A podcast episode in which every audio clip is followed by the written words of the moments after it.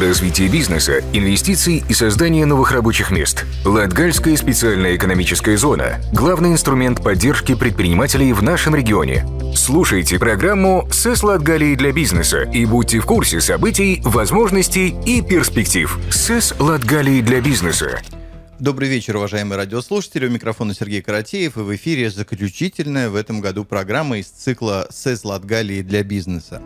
И сегодня вместе с гостями нашей студии мы будем обсуждать текущие события и подводить итоги работы Латгальской специальной экономической зоны, которая уже 7 лет работает как инструмент развития региона и привлечения инвестиций. Я рад представить участников эфира, председатель комиссии по надзору Латгальской специальной экономической зоны Янис Лачплесе. Здравствуйте. Добрый день. И заместитель управляющей Латгальской СЭС Владислав Станкевич также в нашей студии. Добрый день. Здравствуйте. 2023 год практически подошел к своему завершению, и несмотря на то, что немного времени остается, попробуем подвести итоги работы Латгальской СС в этом году. Давайте начнем с плана, который был поставлен перед ЛСС в этом году со стороны Министерства регионального развития. Удалось ли достичь поставленных целей? Здравствуйте еще раз. Э, ну, скажем так, в этом году Общие инвестиции, на которые заключены договора с Латгальской специальной экономической зоной, составляют э, неполных 4,5 миллиона евро. Это 10 договоров. Э, по сравнению с прошлым годом объем инвестиций меньше, количество рабочих мест меньше, но на этом, скажем так, есть объективные причины. Ну, во-первых, основная масса инвестиций, которые, на которые мы подписываем договора, они высокотехнологичные и не создают очень много рабочих мест, скажем, да, то есть инвестиции в полмиллиона или много создать одно или два рабочих места, то есть ну, они стабильные, высокооплачиваемые, но есть, скажем, и причины такого характера, что в этом году э, у бизнеса развитие идет намного, наверное, тяжелее, чем в прошлом году. То есть есть и геополитические причины на это, да, то есть все-таки надо помнить, что ну и не только геополитически, что мы живем в мире после ковида, и сейчас происходят две большие войны, как бы, да, и это во многом очень сильно э, повлияло на и логистические цепочки, и на развитие бизнеса как такового. Плюс в этом году достаточно тяжелый для наших бизнесменов, не только для наших, в принципе, для всей Европы, но для нас тяжелее, поскольку мы не самая э, богатая европейская страна. Это то, что э, кредиты для предпринимателей стали достаточно дорогими, а для, скажем так, предприятий Латгалии во многом они, в принципе, даже и ну, для многих предприятий их даже невозможно получить. Как бы, да. Если для Германии увеличение ставок рефинансирования, оно просто немножко, наверное, уменьшило потребление, то для латвийского бизнеса это означало как бы, ну, фактически, ну, не полную остановку, но достаточно тяжелый момент ожидания. То есть очень многие предприятия, которые планировали произвести инвестиции в этом году, использовать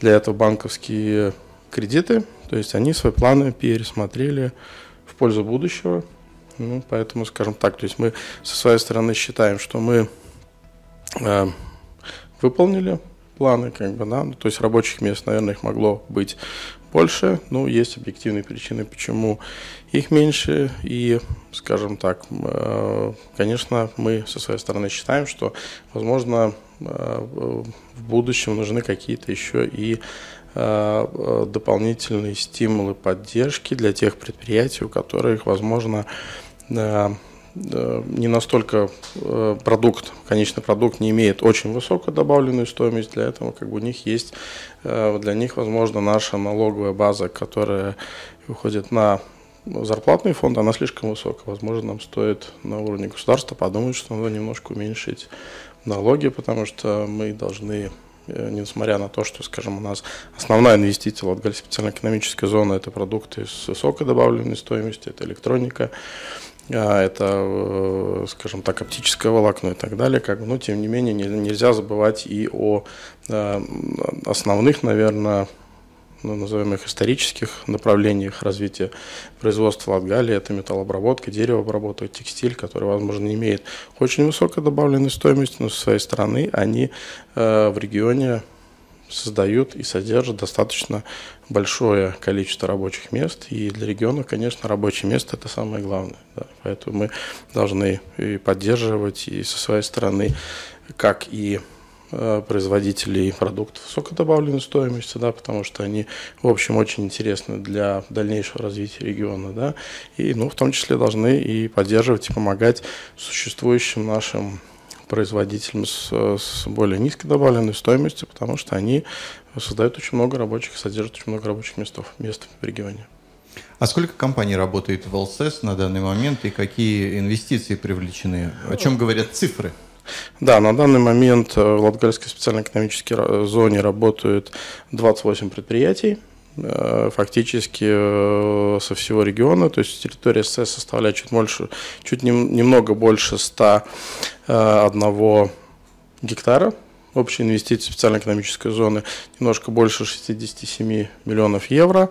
А, и э, планируемые рабочие места на данный момент, то, что мы видим, и то, что на что э, заключены договора, это 616 новых рабочих мест. Как бы, да. Но мы видим, что многие предприятия эти рабочие места развиваются. Мы проводили определенную статистику, смотрели, что э, предприятия, вступающие в специальную экономическую зону, в среднем они создают больше рабочих мест, чем они планируют изначально, э, подписывая с нами договора. И средние зарплаты достаточно высокие, даже если даже не говорить о региональном, даже смотреть, есть предприятия, у которых зарплаты в их отрасли выше, чем даже в общем в Латвии. И плюс к этому, конечно, вступая, мы проводили некоторый анализ, и вступая в СЭС, предприятие для государства тоже очень интересно, потому что общее э, количество плаченных налогов, оно фактически с момента вступления и до данного момента у многих предприятий удвоилось. Ну, если говорить по итогам, э, ну, этого года эм, можем говорить не, на то, говорить не о только тех показателях, которые у нас зафиксированы в плане Министерством регионального развития. Есть моменты, на которые мы сами обращаем особенное внимание. Э, мы считали, что очень важно за этот год расширить географию наших э, клиентов по Латгалии. Э, нам это удалось, и достаточно приличные инвесторы пришли, скажем, в Балви.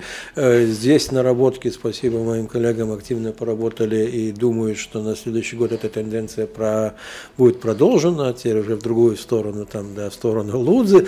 Да, и это очень важно, чтобы э, развитие касалось всего региона Латгалии, чтобы Латгалийская АСС не замыкалась Даугавпилс, Краслава, э, Ливаны, да, ну и еще там немножко чуть-чуть. Да, она действительно должна охватывать э, весь наш регион, э, потому что он весь э, ну, нуждается в развитии и поддержке э, предпринимательской деятельности.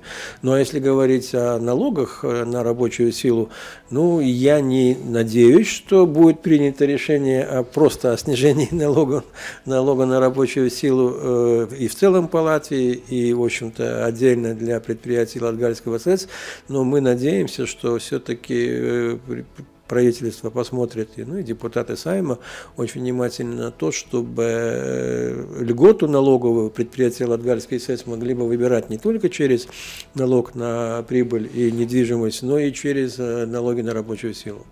Да, это непростое решение, но для того, чтобы э, дать новый импульс и определенные приоритеты именно созданию новых рабочих мест, это было бы очень хорошо. И это одна из э, тех задач, которые мы будем перед собой ставить.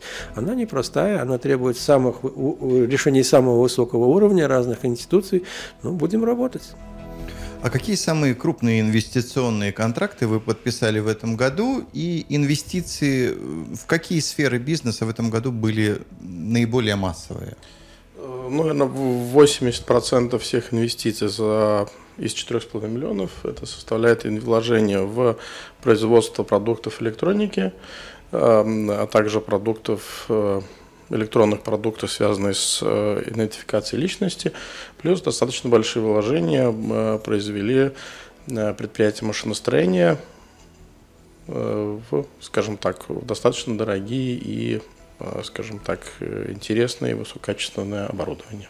Ну и мы видим эту тенденцию, которая есть, когда к нам приходят клиенты и начинают работать, то они продолжают, э, и новые и новые проекты продают, подают, и, и естественно, что их развитие принимает достаточно динамичный характер.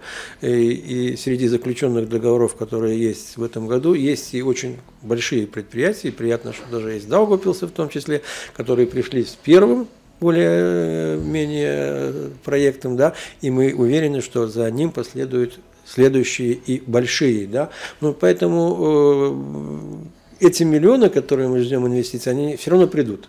То есть мы в этом году наработали, скажем, предприятие там внесло э, проект на 300 тысяч, ну в следующем году будет совсем другая сумма. Э, важно, чтобы был бы процесс, была стабильность, была уверенность в развитии, и, ну пока что в основном и получается. Ну а как на сегодня вообще выглядит весь инвестиционный э, пакет, портфель, скажем, за последние 7 лет? Ну, мне кажется, что он выглядит очень интересно. Больше всего мне нравится о том, что в агломерации города Даугавпилса мы э, ну, с появлением СЭС, ну, возможно, мы не были как бы один из самых основных, но мы были один, один из факторов, почему такое случилось. Э, у нас появился сектор или кластер, можно сказать, производства продуктов высокой добавленной стоимости. Да? То есть это про, про производство компонентов электроники, Э, продуктов электроники, продуктов, э, э, медицинских продуктов из стекловолокна. Да, то есть и мы видим, что эта тенденция, она развивается, и Э, мы рады, и мы думаем, что этот сектор будет развиваться в дальнейшем, потому что обычно ну, предприятия не, не работают в вакууме. Если появляется какая-то определенная отрасль, она начинает развиваться вокруг, приходит еще и еще предприятие, привлекает достаточно высокие инвестиции. То есть это хорошо в будущем. Мы видим, тоже есть, конечно, э, небольшой приятный момент. В июне этого года произошли изменения в регуле Европейского Союза, который относится в том числе к Латгальской специальной экономической зоне, и со следующего года мы сможем э, поддержать также предприятия, э, производящие синтетические волокна. Да, то есть и это дает нам возможность, ну, скажем так, провести диалог еще с двумя достаточно крупными местными предприятиями. Да. Поэтому есть какие-то э, наработки, есть, скажем так, есть наше желание в будущем Э, скажем так, улучшить налоговое законодательство, да, что помогло бы нам увеличить количество э, предприятий в Латгальской специальной экономической зоне. Но в целом, я думаю, что самое главное, то, что мы э, и самоуправление, а также Министерство регионального развития, мы видим, мы представляем, что нам надо для будущего, да,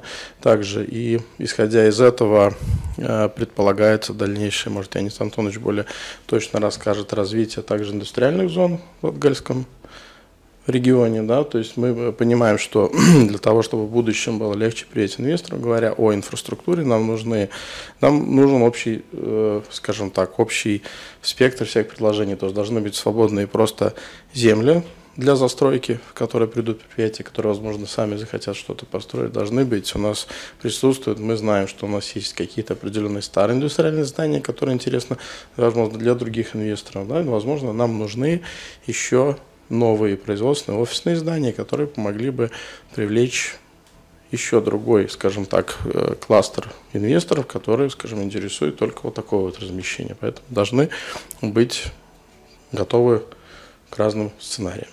Ну, если говорить об инвестиционном портфеле, да, в Латгальской СС, то э, надо правильно понимать, э, Латгальская СС никаких инвестиций не производит.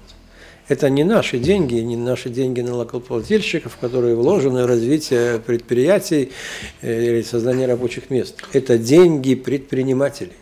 Это их инвестиционный пакет. Это они выбирают те отрасли, которые э, могут, э, в которых чувствуют себя уверенно, где есть рынки сбыта, где они могут конкурировать на мировом уровне. Потому что даже среднего размера э, предприятия сегодня работать на рынок Латгалии или Латвии только не может оно должно выходить, и они выходят на мировой рынок, и там чувствуют себя достаточно уверенно, несмотря на все э, сложности международные, и все э, кризисы, которые идут по всему миру. Да, и они э, свою позицию держат и будут, мы уверены, держать. И наше дело, э, мы анализируем те отрасли, как они развиваются, и по мере возможности пытаемся определить и помочь в том, в чем нуждаются предприниматели, да, потому что э, все, что мы можем сделать, это помочь им, налоговый режим, который мы представляем, это помощь им, да, а есть момент, тут, который Владислав затронул, да, что и этот год, в общем-то, был э, своего рода ну, интересным, это был э, уже как бы второй год нового периода планирования, но последний год, когда можно было завершать проекты предыдущего – и это такой немножко затишье год для инвестиций, плюс все еще э, остальные проблемы. А начинается уже третий год э, этого периода планирования, это время э, новых проектов, это время инвестиций, в том числе и публичного сектора. Да, мы ожидаем достаточно крупные инвестиции, а если говорить о развитии индустрии и предпринимательства в регионе, то э, такие большие проекты, они будут именно, как Владислав говорит, э, с развитием бизнес-парков. Их три по Латгалии, один в Лоциках Долгопилский, второй Ауш Долговосновац уже получил все юридические решения, необходимые от Сайма, и думаю, они очень быстро будут двигаться вперед. Ну и третий Резакненский. Это будут новые э, площадки для развития предпринимателей, это будут то место, куда они могут приходить и вкладывать свои деньги в оборудование, знания, в производство. Да, и, конечно, э, как правило, мы уже теперь знаем, что некоторые из них интересуются и теми налоговыми льготами, которые могут получать через Латгальскую СЭС. И вот складывая работу э, самоуправления, привлечение европейских денег, э, плюс добавляем то, что с нашей стороны с Латгальского СЭС, вот тогда можем ждать результата. А эти три крупных бизнес-парка, это уже, ну, как говорят в спортивном терминологии, это другая лига это действительно могут быть э, крупные инвестора, которые будут приходить с очень большими инвестициями, которые могут создавать и, в общем-то, производство, где будет побольше рабочих мест. Э, и я альтернативы вот такому направлению развития на сегодняшний день просто даже и не вижу. Да, говорим о программе, которая э, защиты восточной границы Евросоюза и развития. Да, там будут программы, в основном все-таки это будет касаться публичных личной инфраструктуры. Э, свои плюсы от этого есть. Это приходят сюда деньги, они здесь начинают э, циркулировать, создавать рабочие места и так далее. Э, но это инвестиции публичного сектора, но мы рассчитываем все-таки на развитие предпринимательства, производства, а сегодня это частные инвестиции. А как выглядит конкурентоспособность наших предприятий на мировых рынках? Можете вот с примерами как-то рассказать? Ну да, у нас есть Латгальская специальная экономическая зона, по крайней мере, два предприятия, которые в своей отрасли и, э, говоря о их продуктах, являются в топ-3 в мире. Да, то есть поэтому мы считаем, что э, э, наши продукты очень конкурентоспособны. И, ну, скажем, говоря о, о других предприятиях, то Э, предприятие, которое имеет, не имеет неконкурентоспособный продукт, оно не сможет просто развиваться и вкладывать вложения, делать вложения в дальнейшее развитие своего предприятия. Поэтому мы считаем, что абсолютно все наши предприятия, которые являются членами Латгальской специальной экономической зоны, они имеют конкурентоспособные продукты, и поэтому мы и таких предприятий вне Союза еще достаточно много, и поэтому мы очень надеемся в ближайшие годы как бы привлечь и большее количество предприятий для для, чтобы они получали тоже плюсы специальной экономической зоны. А какие задачи администрация Латгальского региона планирования и Латгальской СС ставит на следующий год? Ну, во-первых, э, мы уже говорили о тех э, изменениях, которые мы хотели бы видеть в законодательстве. Э, ну, удастся ли их решить за один год, я не могу сказать. В планах нигде это не будет отмечено, но работать над этим будем, и это будет одна из главных задач. Все-таки льготы по предприятиям касательно налогов на рабочую силу очень важны, потому что любой, вот с кем не говори, наш предприниматель, иностранный инвестор, всех у них всех э, один из основных интересов именно к этому э, вопросу. Да, и, конечно, э, на следующий год, как уже говорили, будем следить за тем, чтобы наши все инициативы совпадали с теми предложениями, которые будет готовить самоуправление. Только если мы соберем в кулак вот все наши ресурсы и предложения, тогда мы получим, а мы желаем получить все-таки здесь э, несколько еще таких хороших больших э, инвесторов, которые э, здесь есть, да, и они могут прийти вот совершенно как бы с нуля, вот, например, как приходил Пульсар, или это могут быть резкое развитие наших предприятий, как это произошло в Ливанах, да, сценарии любые, возможности будут, а финансовые ресурсы наши предприниматели умеют находить, и у людей, у которых есть деньги, у них все-таки появляется интерес к нашему региону, и я э, надеюсь, что на всех уровнях будет приниматься решение, чтобы этот интерес только укреплялся. Сейчас на правительственном уровне очень много говорится о необходимости поддержки регионов, в частности Латгалии, так как наш регион из-за геополитической ситуации оказался ну, в самом незавидном положении. На ваш взгляд, какие изменения нужно рассматривать в первую очередь и какие инвестиции следует привлекать в регион, чтобы он стал более экономически крепок?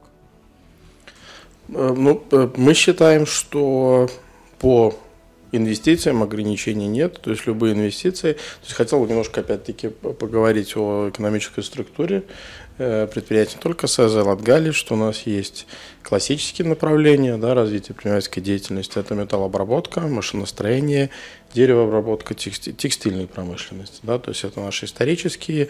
Надо, наверное, вспомнить, что есть такой момент, что не всегда возможно со, со стороны правительства оно правильно оценивает направление развития бизнеса в будущем. Все-таки развитие бизнеса определяет сам бизнес, а не не, скажем так, не, не, не публичные, э, скажем так, учреждения. Да? То есть это примерно 96 года, когда Министерство экономики сказало, что текстильная отрасль для Латвии, она в принципе неинтересна. Да? То есть мы сейчас на данный момент наблюдаем, что в Латгалии есть достаточно большое количество предприятий, работающих в этом направлении, и которые создают достаточно много рабочих мест.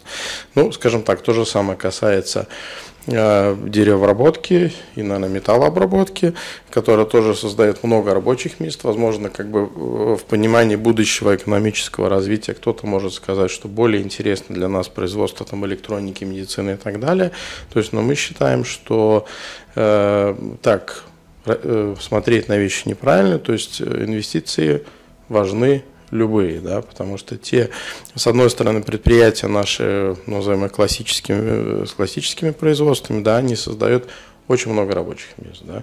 Предприятия, которые создают высокую добавочную стоимость, если смотреть их обороты инвестиции, то количество рабочих мест меньше, но они высокооплачиваемые, и они во многом привлекают очень, если не находят на месте, достаточно высококвалифицированные, э, скажем так, э, специалистов себе на работу, плюс они создают очень много структуру вокруг себя, создают параллельно своему производству много рабочих мест, которые обслуживают их производство. Да. Поэтому любые инвестиции, какие бы они ни были, я считаю, что они важны, и делить инвестиции на там, хорошие, более желаемые или нежелаемые, я считаю неправильно, потому что мы должны понимать, что любое рабочее место для региона – это очень ценно. Приближаются праздники. Что бы вы могли пожелать в это время как своим деловым партнерам, так и нашим слушателям? Ну, я надеюсь, что у наших э, клиентов и у наших слушателей год прошел все-таки хорошо, ну, прошел, были проблемы, были успехи, но впереди э, новая жизнь, новые задачи, э, будем решать их.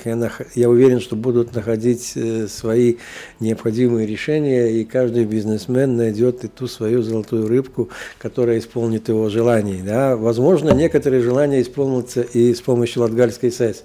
Поэтому мы желаем счастливого Нового года и светлого Рождества, и чтобы у всех все получилось. Что-то добавить? Ну, Ян Антонович почти все сказал, сложно что-то добавить, но, возможно, я бы с своей стороны единственное хотел бы сказать, чтобы э, предприятия не стеснялись и обращались в Латгальскую специальную экономическую зону, потому что во многом э, приходящие наши э, уже существующие клиенты говорят, вот почему же мы не пришли к вам два года назад? Да, то есть это как бы надо просто прийти, поинтересоваться, мы расскажем, потому что, ну, Налоговые скидки – это вещь хорошая, особенно когда есть определенные трудности на рынке экономическом. Ну, будем надеяться, что наставления и пожелания будут сбываться. Ситуация в мире, в нашей стране и в нашем регионе будет меняться к лучшему. Для предпринимателей будут открываться новые возможности, а у каждого из нас будет то важное, ради чего идти вперед и делать что-то хорошее лучше. На этом все. Я благодарю вас за этот эфир и с наступающими праздниками. До свидания. Программу «СЭС Латгалии» для бизнеса провел Сергей Каратеев. До свидания. Развитие бизнеса, инвестиций и создание новых рабочих мест. Латгальская специальная экономическая зона – главный инструмент поддержки предпринимателей в нашем регионе. Слушайте программу «СЭС Латгалии для бизнеса» и будьте в курсе событий, возможностей и перспектив.